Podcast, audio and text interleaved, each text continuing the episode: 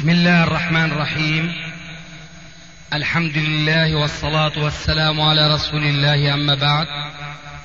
فهذا أحد أشرطة سلسلة الهدى والنور من الدروس العلمية والفتاوى الشرعية لشيخنا المحدث العلامة محمد ناصر الدين الألباني حفظه الله ونفع به الجميع. قام بتسجيلها والتأليف بينها محمد بن أحمد أبو ليلى الأثري. والآن مع الشريط الخامس عشر بعد الثلاثمائة على واحد. العفو وجزاك الله خيرا.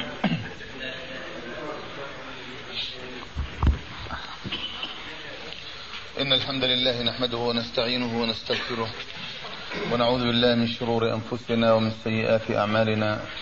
من يهده الله فلا مضل له ومن يضلل فلا هادي له. وأشهد أن لا إله إلا الله وحده لا شريك له وأشهد أن محمدا عبده ورسوله. يا أيها الذين آمنوا اتقوا الله حق تقاته ولا تموتن إلا وأنتم مسلمون.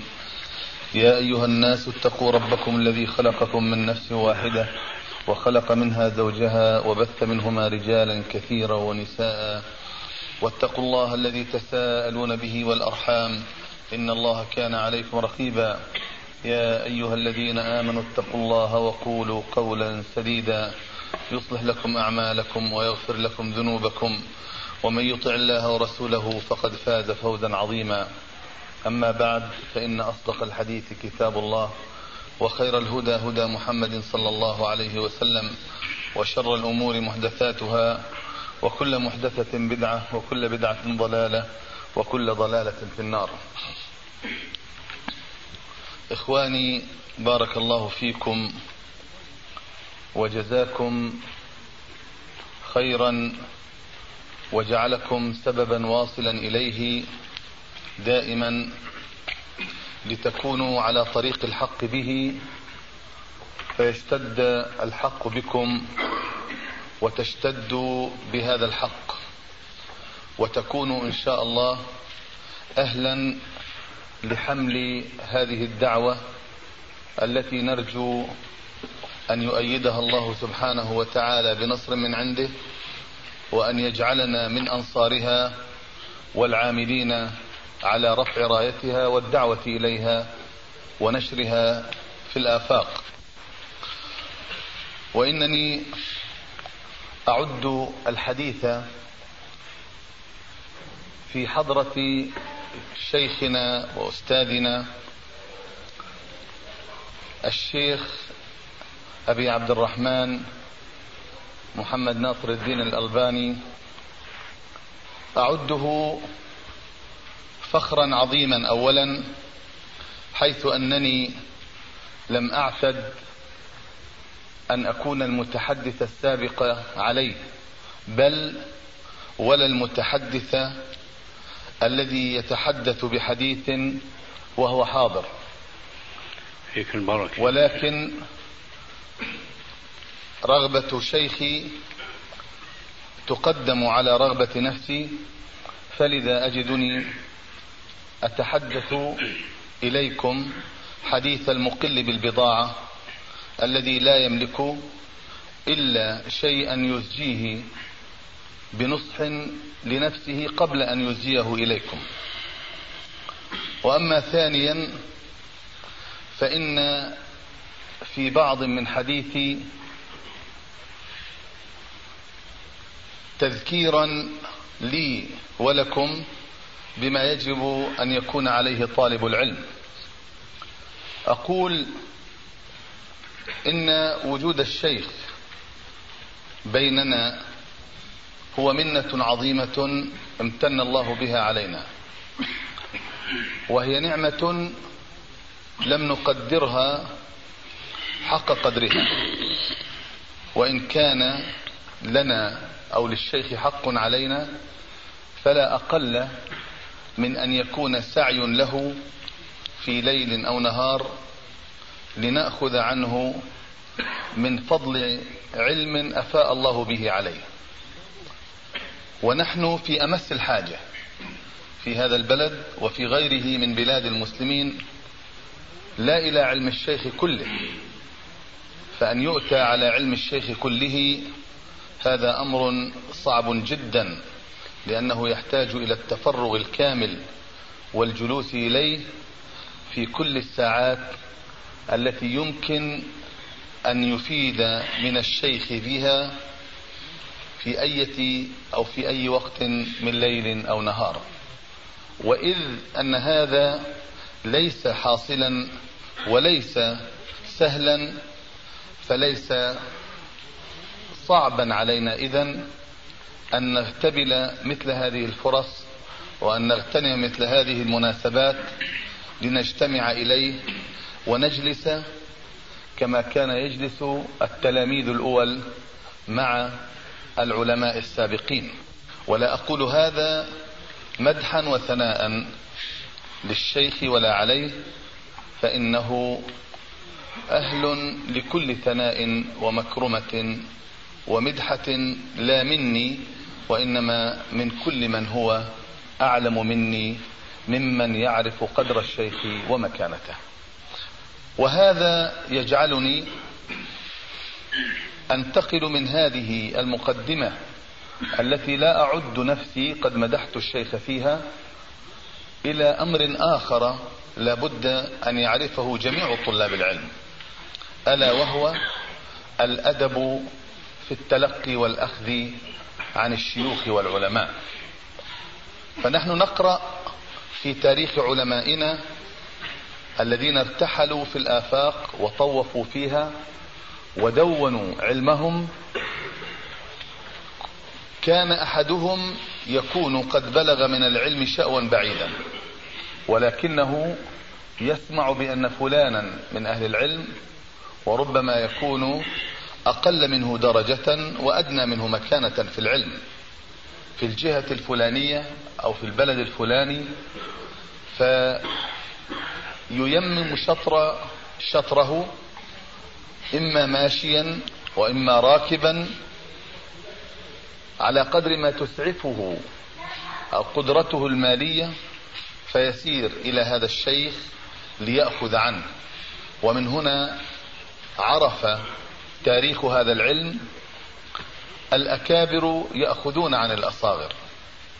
فكيف ونحن مع شيخنا وأستاذنا علامة الزمان في حديث رسول الله صلى الله عليه وسلم ونحن قطرات متناثرة بما تحويه صدورنا من بعض ما فضل تفضل الله به علينا من علم كتابه وعلم سنة نبيه صلى الله عليه وسلم. لذلك أنصحكم وأنصح نفسي ألا نفرط في دقيقة واحدة. يمكننا أن نفيد منها من علم الشيخ بارك الله عليه. ولكن لا ننسى أدبا ثانيا وهو أنه لا بد أن يكون طالب العلم حسن السؤال وأن يعرف موقع الكلمة التي تصدر عن لسانه أين تقع من قلب الشيخ وعقله لا ليستجلب بها رضاه. فقط. فهذا أمر لابد أن يحرص عليه. ولكن ليكون سؤاله مفيدا ولكي يتبين المسؤول كيف يجيب على سؤاله. وقديما قيل حسن السؤال نصف العلم. وطبعا الجواب هو النصف الآخر. وحسن السؤال يدل على شيئين في نفس السائل أولا يدل على رغبة هذا السائل في العلم وإخلاصه فيه. ثم يدل على أنه متمكن من هذه المسألة أو غير متمكن ولكنه على الأقل متمكن من السؤال الذي يهدي إلى معرفة هذه المسألة أو تلك. لذا فلا بد أن يكون السائل حسن السؤال. وأما المسألة الثالثة فلا بد أن يكون هناك التواضع من طالب العلم مع شيخه. ونحن في زمان لم يعد هناك مثل هذا الخلق الذي شاع في طلاب العلم في العهود الغابرة والقرون الماضية. فنرى أن طالب العلم إذا أخذ بعض المسائل اغتنى بها أو ظن نفسه قد اغتنى بها ويطير بها طيرانا فرحا فلا يكاد ينتهي من عرض هذه المسائل أو إفراغها من عقله بكلمات من فوق لسانه حتى يعود فقيرا مدقعا في مسائل العلم يبحث في جوانب نفسه عن مسألة فلا يجدها. إذا أين يجد هذه المسألة أو تلك التي لم يتواضع أمام شيخه وهو يريد أن يسأل عن هذه المسألة أو تلك يجدها عند الشيخ الذي ظن نفسه أنه قد ساواه في العلم أو تفوق عليه أو ربما وجد شيئا من شيخه ظن في نفسه أنه أو ظنا سيئا أن شيخه لا يريد أن يفيده في هذه المسألة. فيعرض بنفسه عن شيخه وهذا هو الشر المستطير الذي إذا أصاب طالب العلم فإنها تكون قاصمة الظهر بالنسبة إليه. لذا يجب على طالب العلم أيضا أن يكون متواضعا. ونحن كما قلت مرارا وتكرارا نحن طلاب العلم الذين نظن أنفسنا أننا نلهن من كتاب الله ومن سنة نبيه صلى الله عليه وسلم. نعم ربما أفدنا علما ولكن ينقصنا هناك شيء آخر وهو حسن الأدب مع الشيخ. لذا حتى يكون طالب العلم يفيد من شيخه لابد أن يجمع بين أمرين. الحرص على طلب العلم ثم الأدب مع الشيخ بالتواضع وحسن الإصغاء وحسن النظر والتقدير للشيخ الذي يأخذ عنه. إذا نحن كما قلت مرارا وأذكر مرة ثانية أننا صحيح حصلنا بعض المسائل العلمية ولكننا لم نحصل الأدب المطلوب في أخذ العلم عن الشيوخ. فما أحوجنا إلى علم الكتاب والسنة ثم إلى أدب أهل الأدب ممن عرفوا بأهل الطريق والوجدانيات الذين نعرفهم نحن في زماننا هذا وهم الصوفيون. لكن علمنا لا شك أنه يكمل أن الأدب أو النقص الذي في أدب أولئك فنكون قد جمعنا بين الأدب الصحيح والعلم الصحيح وبذلك يفيد طالب العلم من شيخه هذا إلى أنه يجب أن يكون مخلصا أيضا في طلب العلم. ثم هناك مسألة رابعة وليأذن لشيخي بارك الله فيه أن أقولها وهي أنه لا بد لطالب العلم الذي يحمل مسألة وقد استوفاها من جميع جوانبها بأدلتها واستقصاها بدقائقها وظاهرها وخفيها وما يمكن أن يحيط بها من قريب أو من بعيد أن ينقل هذه المسألة لذويه وأهله وأبنائه وجيرانه والمسلمين ممن يقدر على الاتصال بهم وإفادتهم بهذه المسائل التي أفادها. فحياة العلم تكون بشيئين تكون بالمذاكرة والمطالعة ثم بالبذل والعطاء. هكذا يكون العلم. فيكون طالب العلم في نظره في نظر نفسه على الأقل أنه يعرف أنه أفاد أو لم يفد. هذه المسائل التي أردت أن أذكركم بها حتى نكون جميعا إن شاء الله على بينة من المسائل العلمية أو من أخلاق طلاب العلم التي يجب أن تتوفر في طالب العلم لنستذكر ماضيا شع نوره في الآفاق في حاضر أظلم عياذا بالله إلا من بصيص قليل من النور بدأ ينتشر أو يتسرب إلى الآفاق لينتشر كما انتشر في القرون الماضية إن شاء الله. ونسأل الله سبحانه وتعالى أن يجعلنا من الذين يستمعون القول فيتبعون أحسنه. وأدع الآن الكلام لشيخنا وأستاذنا جزاه الله خيرا وبارك لنا في عمره وأمد فيه ومتعه بالصحة والعافية وأفاء عليه من نعيمه في الدنيا والآخرة وجعله دائما موضع ثقة ورجاء بعلمه لجميع المسلمين. والسلام عليكم ورحمة الله وصلى الله وسلم وبارك على نبينا محمد وعلى آله وصحبه. بعدين يا إخوان رجاء ال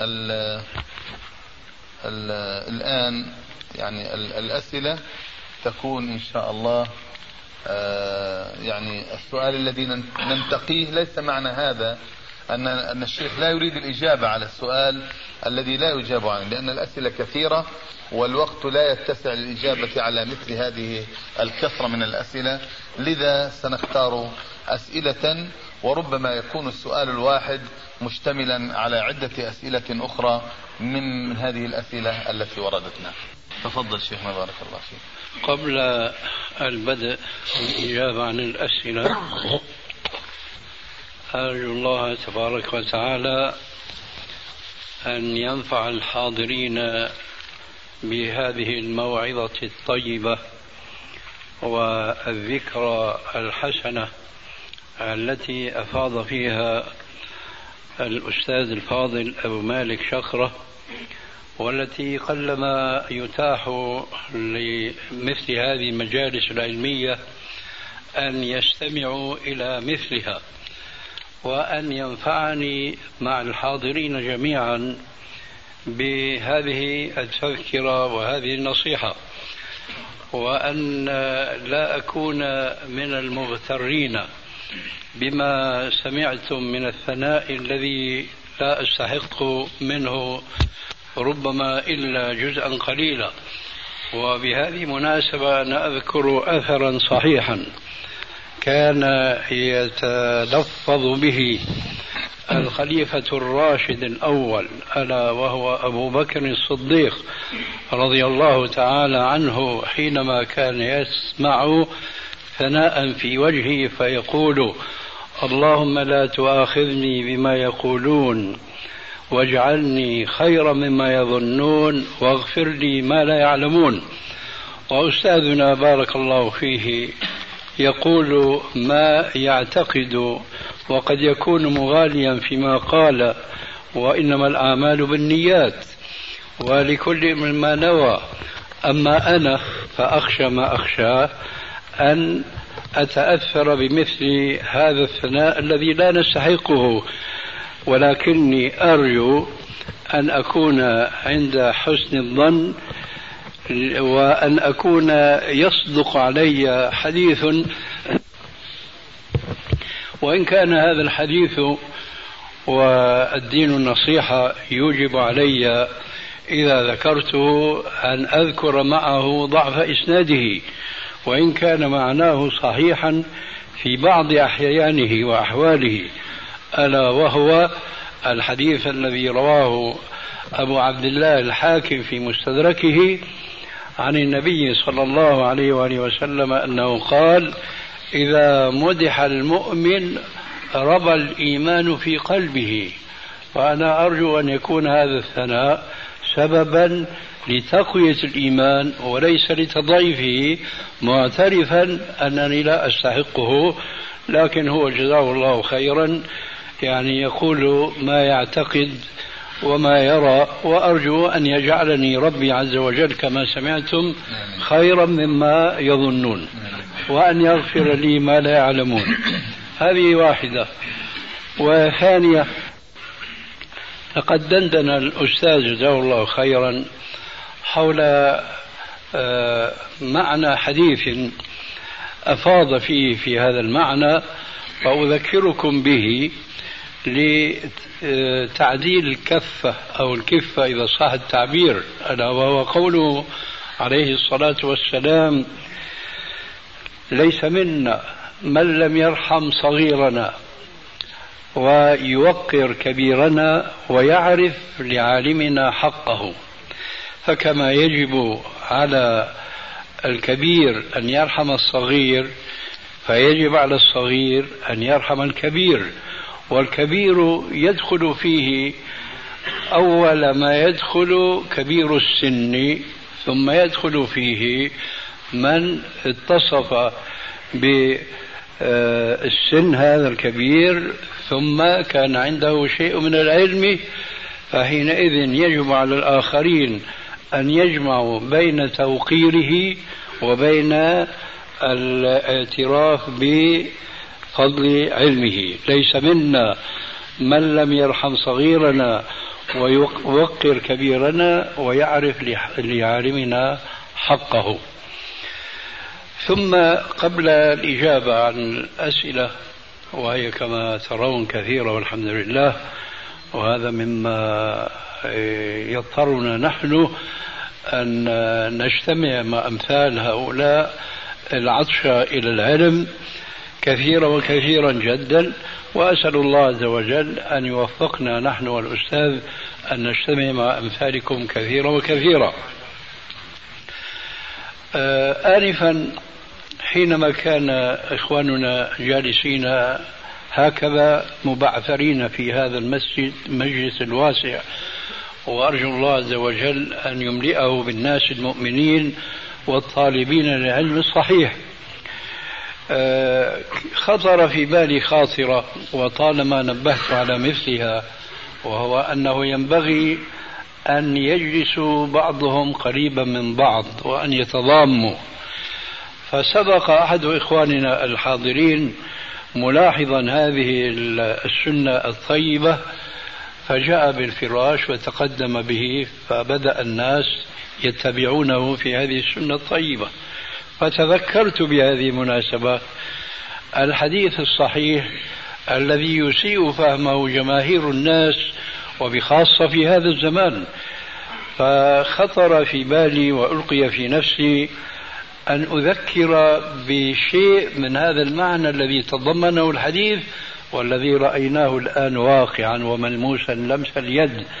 أعني بالحديث هو قوله عليه الصلاة والسلام من سن في الإسلام سنة حسنة فله أجرها وأجر من عمل بها إلى يوم القيامة دون أن ينقص من أجورهم شيء ومن سن في الإسلام سنة سيئة فعليه وزرها ووزر من عمل بها إلى يوم القيامة دون أن ينقص من أجورهم شيء. فلا بد أنكم سمعتم كثير من الناس يستشهدون بهذا الحديث على أنه يوجد في الإسلام بدعة حسنة طالما يلجؤون إلى مثل هذا الاستدلال. البدعة الحسنة منصوص زعموا في هذا الحديث من سن في الإسلام سنة حسنة. فنقول نحن قاطعين جازمين أن هذا الفهم فهم أعجمي باطل. لا يلتقي مع المعنى الصحيح من هذا الحديث أولا ثم مع المناسبة التي ذكر الرسول عليه السلام الحديث فيها ثانيا. وأذكر أنني في هذا المكان أو في غرفة أخرى كنت طرقت هذا الموضوع قديما ولكن لا بأس من الإعادة فكما يقال في الإعادة فائدة وأتصور أن هناك بعض إخواننا ممن لم يتح لهم في تلك الجلسة القديمة أن يسمعوا مثل هذه الكلمة. فأقول الحديث المذكور أخرجه الإمام مسلم في صحيحه من حديث جرير ابن عبد الله البجلي رضي الله تعالى عنه قال كنا جلوسا مع النبي صلى الله عليه وآله وسلم فجاءه أعراب مجتابي النمار متقلدي السيوف عامتهم من مضر بل كلهم من مضر. فلما رآهم رسول الله صلى الله عليه وآله وسلم تمعر وجهه تمعر وجهه أي تغيرت ملامح وجهه عليه السلام أسا وحزنا على فقر هؤلاء الأعراب.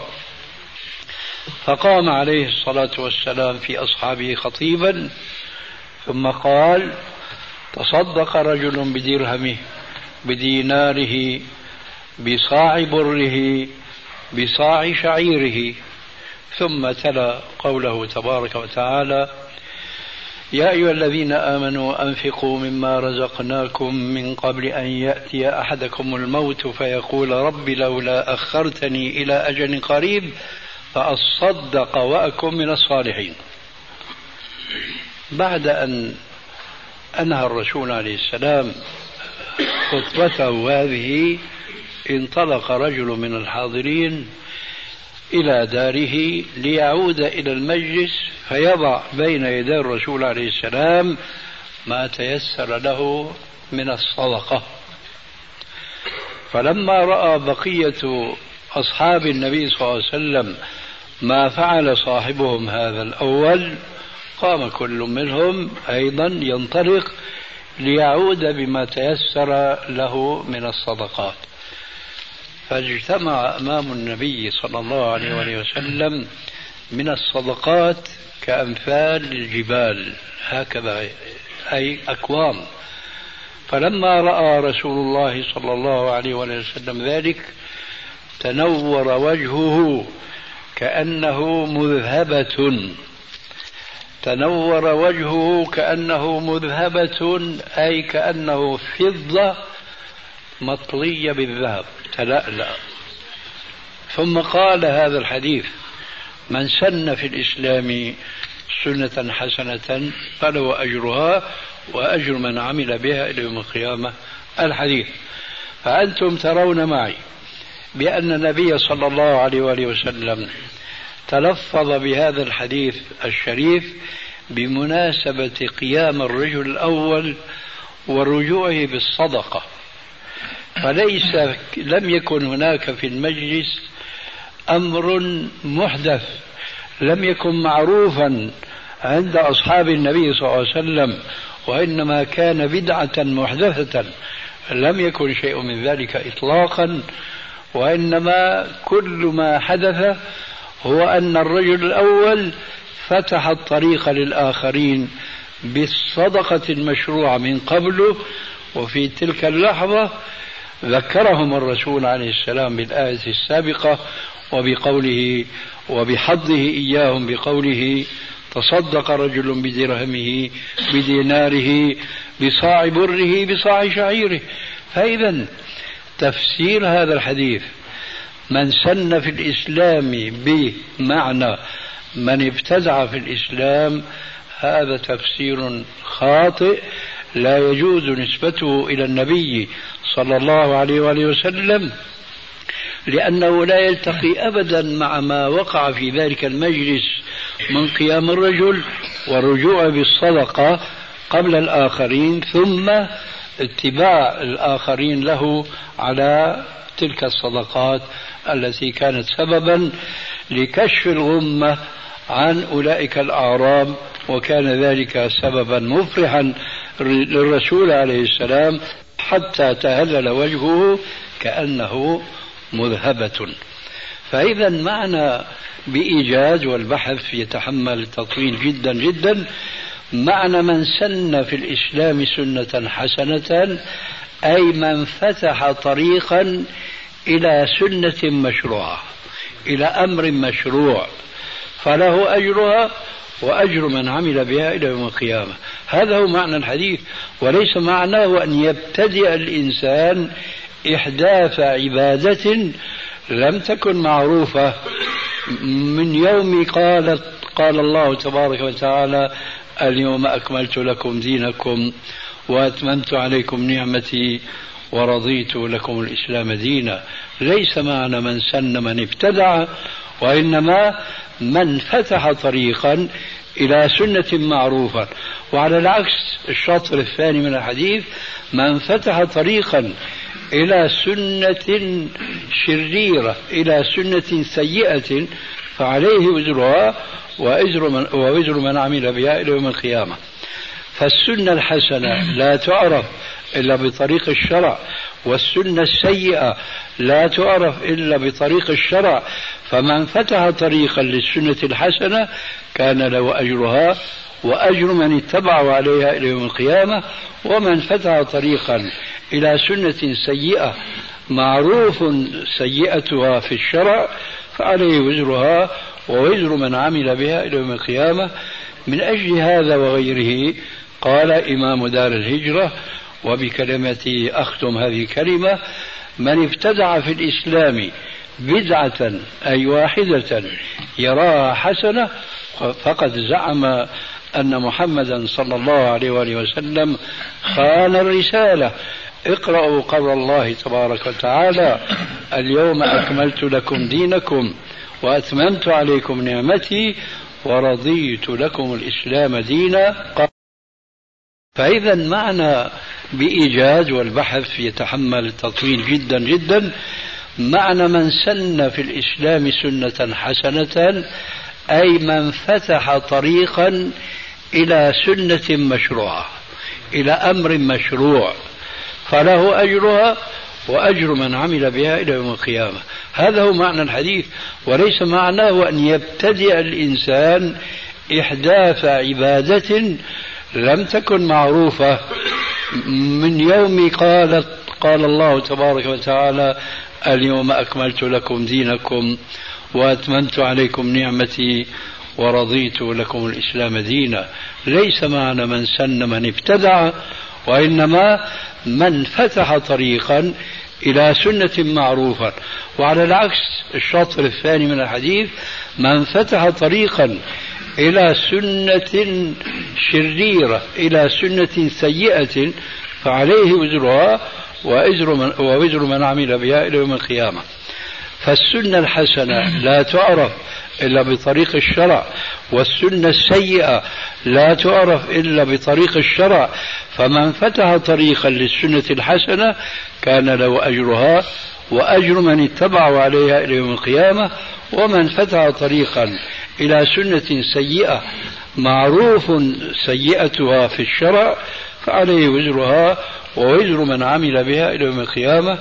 من أجل هذا وغيره قال إمام دار الهجرة وبكلمتي أختم هذه الكلمة من ابتدع في الإسلام بدعة أي واحدة يراها حسنة فقد زعم أن محمدا صلى الله عليه وآله وسلم خان الرسالة. اقرأوا قول الله تبارك وتعالى اليوم أكملت لكم دينكم وأتممت عليكم نعمتي ورضيت لكم الإسلام دينا. قال مالك فما لم يكن يومئذ دينا لا يكون اليوم دينا ولا يصلح آخر هذه الأمة إلا بما صلح به أولها. وتفضل يا أستاذ. هذا الجواب أو هذه المقدمة التي سمعتموها من شيخنا هي جواب في الحقيقة عن عدد من الأسئلة التي آه، كتبها بعض الإخوة وأرادوا الاستفسار عنها. ففي هذا الجواب غنية واغتناء ولا حاجة لإعادة هذه الأسئلة أو ذكرها. ونرجو أن نكون جميعا قد أفدنا منها. وجزاه الله خيرا. السؤال الأول آه، هل الحديث الضعيف إذا وافق الواقع يكون صحيحا كما يقول بعضهم؟ نرجو أن آه، يعني من شيخنا والحقيقة هذا سؤال يطرح كثيرا أن يكون الجواب آه، فيه شيء من التفصيل حتى نتبين مواقع عقولنا.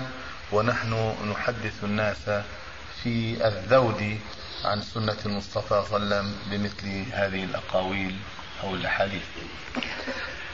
إذا جاء الحديث بالسند الضعيف الذي لا تقوم به الحجة عند علماء الحديث ولا يجوز أن ينسب بمثله قول إلى النبي صلى الله عليه وآله وسلم فلا يجوز أن نعتقد أنه قاله عليه السلام لمجرد أنه طابق الواقع. لأن تحدث جملة ما عن واقعة ما قبل وقوعها بمدة ما سواء كانت قصيرة أو طويلة. لا يلزم أن يكون ذلك من باب الإخبار ببعض المغيبات لأن هناك آه، علما آه، يعرف عند أهل العلم بالممارسة وبالتجربة وبالنظر للحوادث التي آه، يدرسها أهل النظر السليم فيستنبطون منها بعض الأمور فيتحدثون عنها كحكمة وليس كخبر عن الرسول عليه السلام. فيقع هذا الحديث الذي تحدثوا به ثم قد يكون بعض الرواة آه، أخطأ في رواية هذا الخبر فنسبه إلى النبي صلى الله عليه وآله وسلم سهوا وخطأ وقد يكون متعمدا من أجل أن يظهر للنبي صلى الله عليه وسلم معجزة علمية غيبية. ولذلك فليس طريقة معرفة صحة الحديث عن النبي صلى الله عليه وآله وسلم هو أن يكون صحيحا في واقعه لأن هذه الصحة قد يقولها أهل العلم وأهل الحكمة. فأنا قلت لكم آنفا بالمناسبة ذاك الحديث إذا مدح المؤمن ربى الإيمان في قلبه هذا المعنى يصدق أحيانا.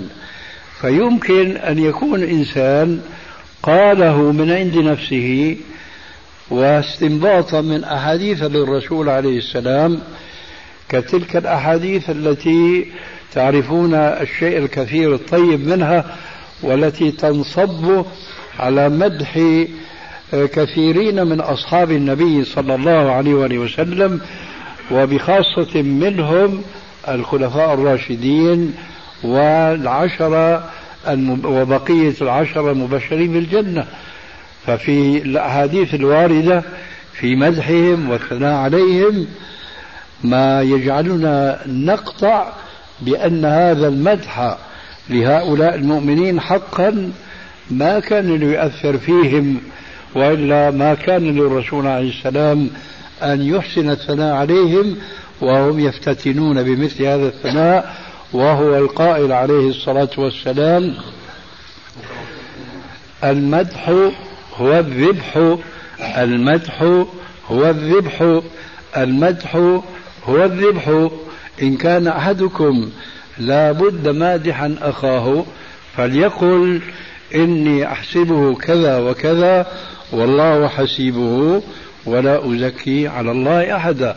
فحينما نجد النبي صلى الله عليه وسلم يزكي العشرة المبشرين بالجنة وغيرهم من الصحابة نعلم أن هناك تزكية لا تضره وضابط ذلك أن يكون المزكى مؤمنا يخشى الله ويخاف منه كما ترون في تاريخ وفي سيرة هؤلاء الخلفاء الراشدين الذين بشروا بالجنة.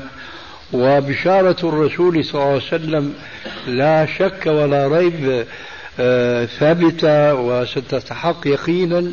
مع ذلك كان أحدهم يتمنى أن يكون شجرة تعض أو تبنى في الأرض وهكذا لخوفهم من الله تبارك وتعالى على الرغم من سماعهم لمثل هذا الثناء العاطر من نبيهم صلى الله عليه وآله وسلم.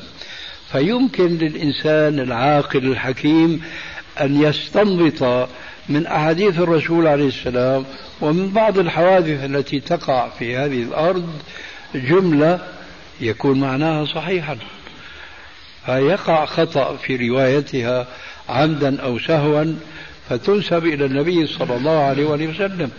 ولذلك فلا يجوز مجرد أن نرى حديثا قال أهل الحديث عنه إنه ضعيف ولا يثبت نسبته إلى الرسول عليه السلام أن نعتقد أن الرسول قد قال ذلك الحديث لأنه طابق الواقع.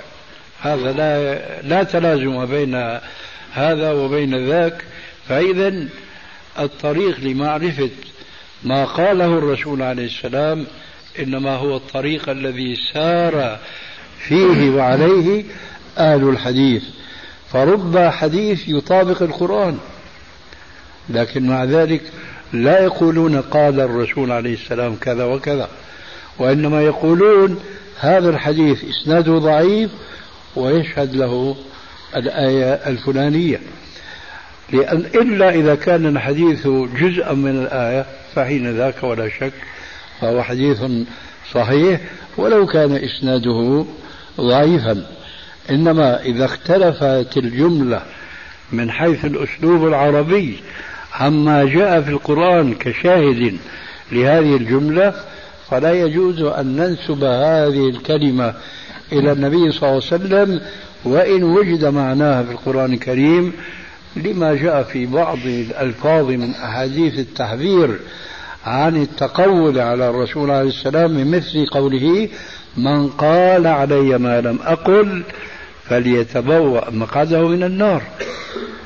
وأي حديث كما نقول نحن في أي مناسبة أي حديث يتعلق بالتنصيص على إباحة شيء داخل في القرآن الكريم في النص العام فيكون معناه صحيحا ولو كان موضوعا طازجا لو كان موضوعا حديثا. إذا شهد له القرآن نقول هذا المعنى صحيح لكن لم يثبت نسبة هذه الجملة إلى نبي صلى الله عليه وآله وسلم لكن القرآن يغنينا عن ذلك. لو قال قائل مثلا لو قال قائل مثلا أكل العيش حلال أو أكل الخبز حلال. لا شك أن هذا معنى صحيح. ويطابق نصوص من الكتاب والسنة وإلى آخره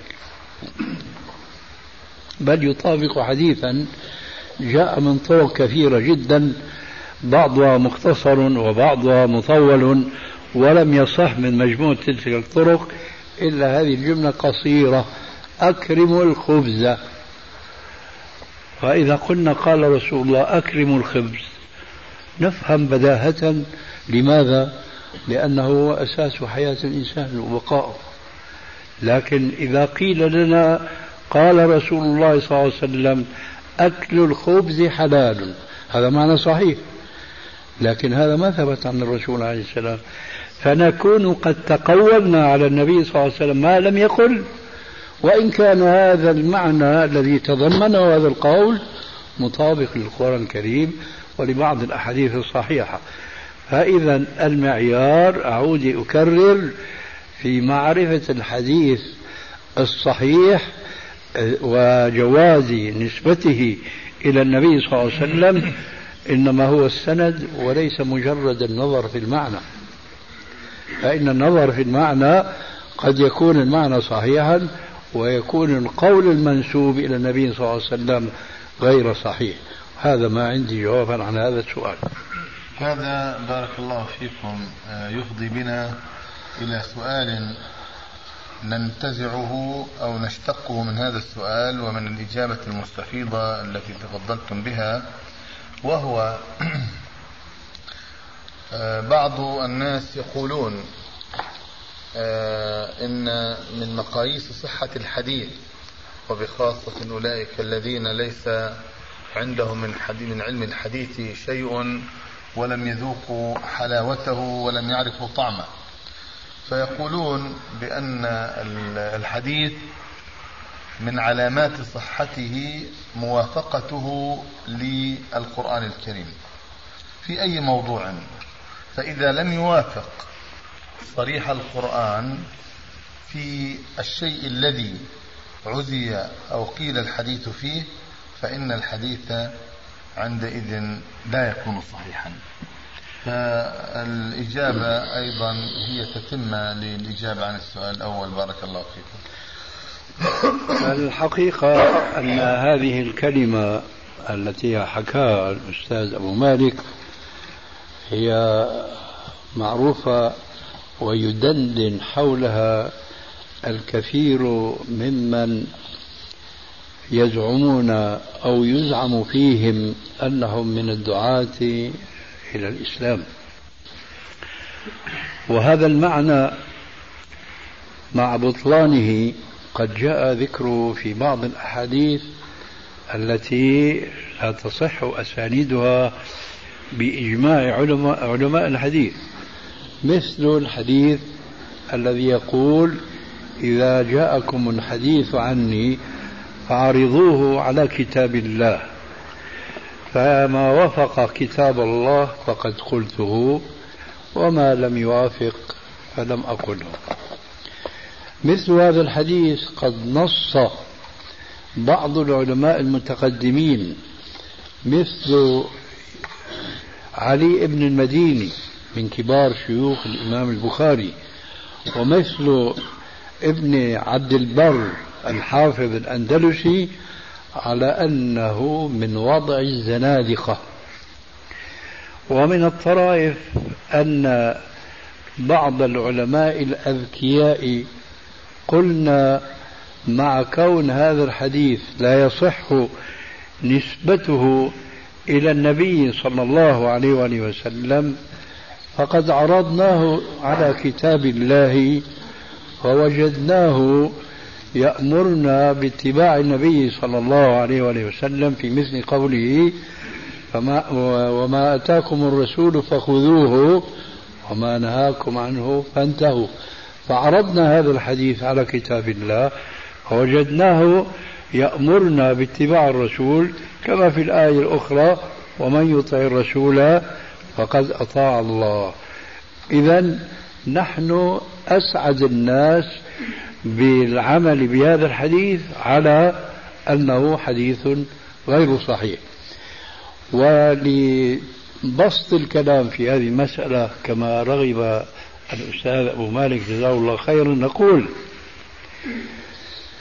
إن كان المقصود من هذا الحديث الذي لا يصح إسناده أولا إن كان المقصود من موافقة الحديث لكتاب الله هو أن يكون مضمونه موجودا صراحة في القرآن الكريم فحينئذ لسنا بحاجة إلى الحديث سواء كان صحيحا أو غير صحيح.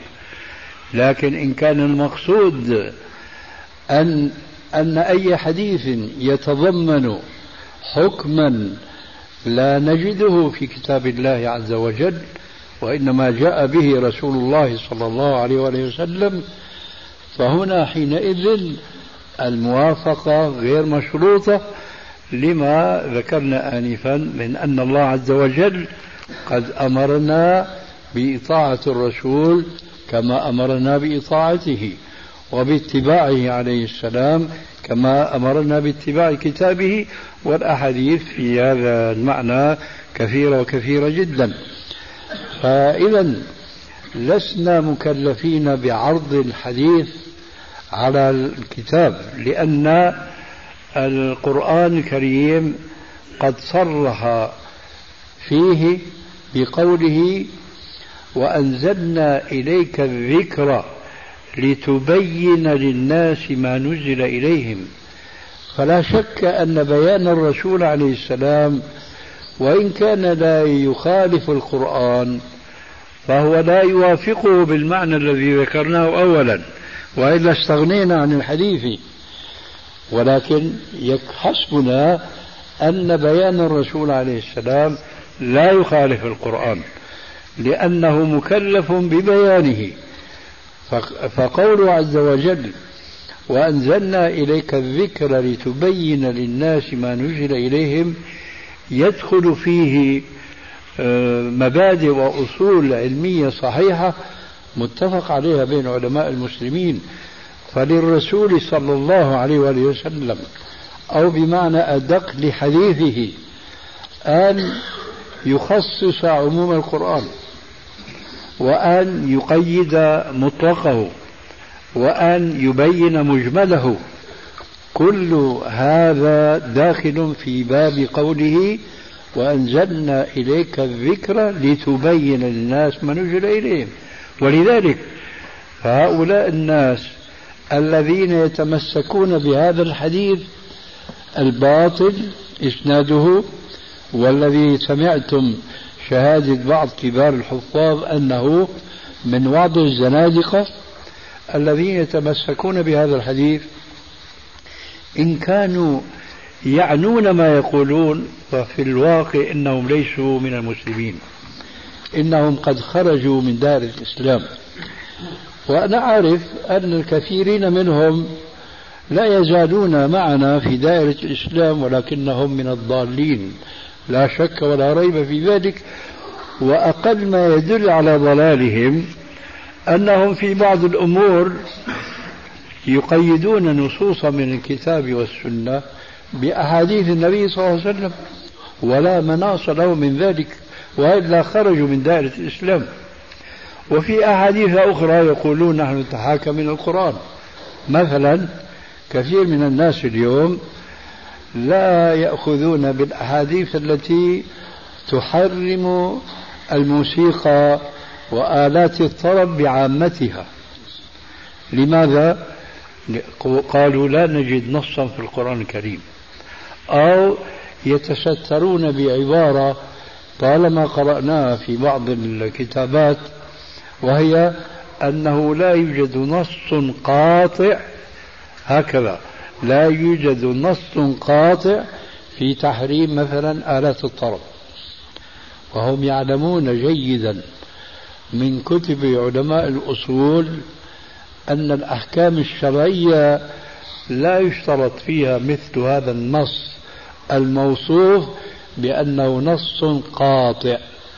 لأنهم جميعا أعني علماء الأصول لا خلاف بينهم بين مذهب وآخر يعتقدون أنه يكفي في الأحكام الشرعية النص الذي يغلب على الظن عند العلماء وليس عند الجهال يغلب على الظن إما ثبوته بطريق الظن الراجح وإما دلالته بطريق الدلالة الراجحة.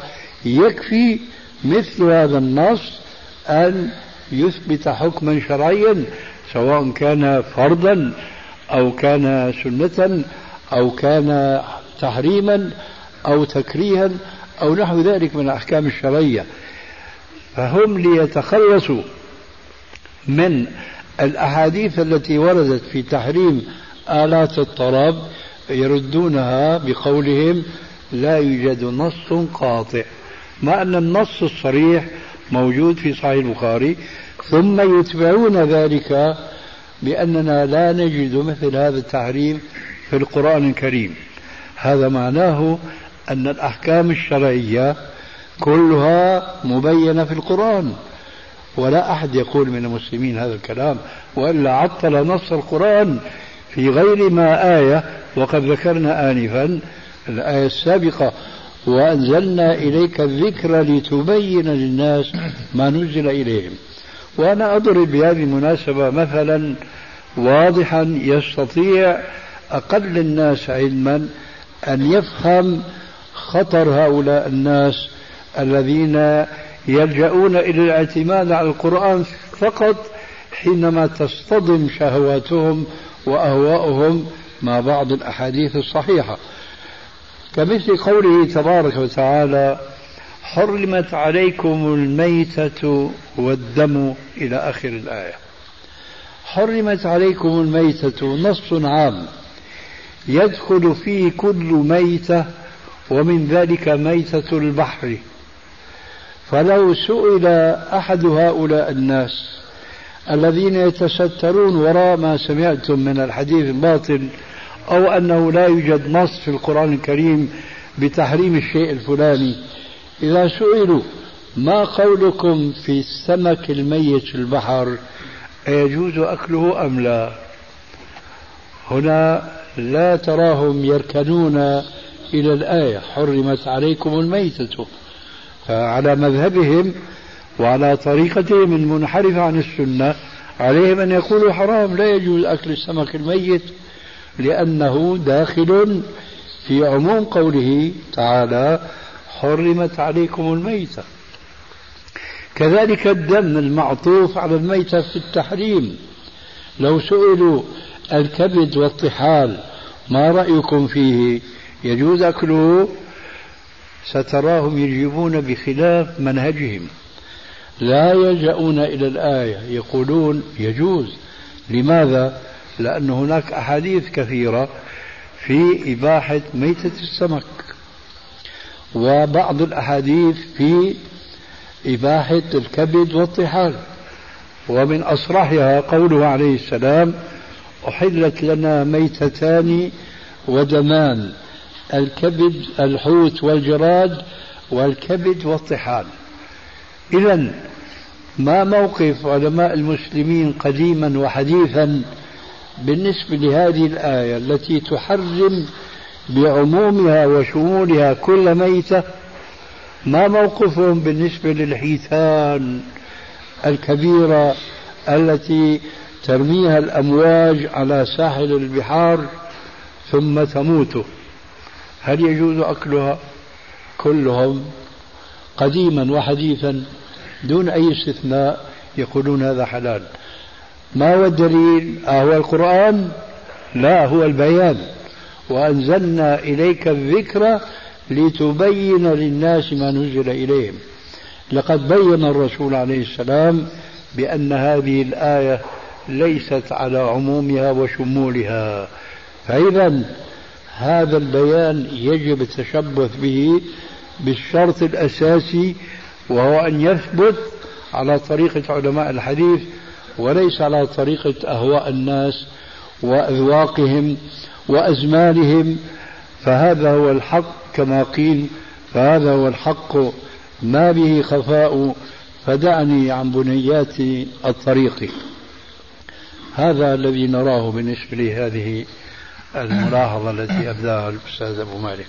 أيضا يتفرع من هذا الجواب أو من هذا السؤال سؤال آخر وهو أن كثيرا من آه، الناس وبخاصة الدعاء يقولون في عندما يأتي أحدهم ويعرض له تفسير آية من كتاب الله آه، يقول أحدهم بأن آه، بأن كثير من خواطر النفس وما يدور في قلب الإنسان الداعية آه، يؤيد تفسيرا معينا قد يفتح الله به عليه من هذه الآية. وهذا التفسير لا يوجد في كتاب ولا في كتاب الله ما يؤيده ولا في سنة رسول الله صلى الله عليه وسلم وإنما هي شطحات ذوقية وخيالات تمتد بالإنسان إلى الآفاق البعيدة فيجمع له عقله من هنا وهناك بعض تفسير هذه الآية وكأنه يستلهمها استلهاما من آه، تعلمه طريقة طريقة من الطرق أو آه، يعني تلقيه عن شيخ من الشيوخ. فنريد أيضا الإجابة عن هذا السؤال. بارك الله فيكم. قلنا آنفا بأن الله عز وجل ولى نبيه صلى الله عليه وآله وسلم أن يفسر لهم القرآن الكريم وأن يبين لهم المعاني التي قد يحتاجون إلى توضيحها وبيانها. لأن البيان المذكور في, في الآية بيان عام وأنزلنا إليك الذكر لتبين للناس ما نزل إليهم. لذلك كانت خطة علماء التفسير دائما وأبدا أن خير الطرق في تفسير القرآن الكريم إنما هو أن يفسر القرآن بالقرآن. فإذا كان هناك آية مجملة وآية مفسرة سلطت هذه الآية المفسرة على الآية المجملة وبينت بها. وإذا لم يكن هناك في القرآن ما يفسر آية نظر في الحديث فأول مرتبة هو تفسير القرآن بالقرآن والمرتبة الثانية تفسير القرآن بالسنة. ولا شك أن المقصود عند الإطلاق كما تعلمون السنة الصحيحة. فإن لم يوجد في السنة الصحيحة ما يبين الآية فحينئذ نرجع المرء إلى المرتبة الثالثة وهي تفسير الآية بأقوال الصحابة. وهكذا دواليك إن لم يوجد فتفسير الآية بأقوال التابعين إلى القرون الثلاثة المشهود لهم بالخيرية. وهنا لابد من الوقوف قليلا عند تفسير الذي ذكرناه من تفسير الصحابة والتابعين وأتباعهم وهو الذي يرمز إليه عند العلماء بتفسير المأثور. المأثور أول ما يدخل كلام الرسول ثم الصحابة ثم التابعين ثم أتباعهم. إخوة الإيمان تتمة الكلام في الشريط التالي. المأثور أول ما يدخل كلام الرسول ثم الصحابة ثم التابعين ثم أتباعهم. قد يجد طالب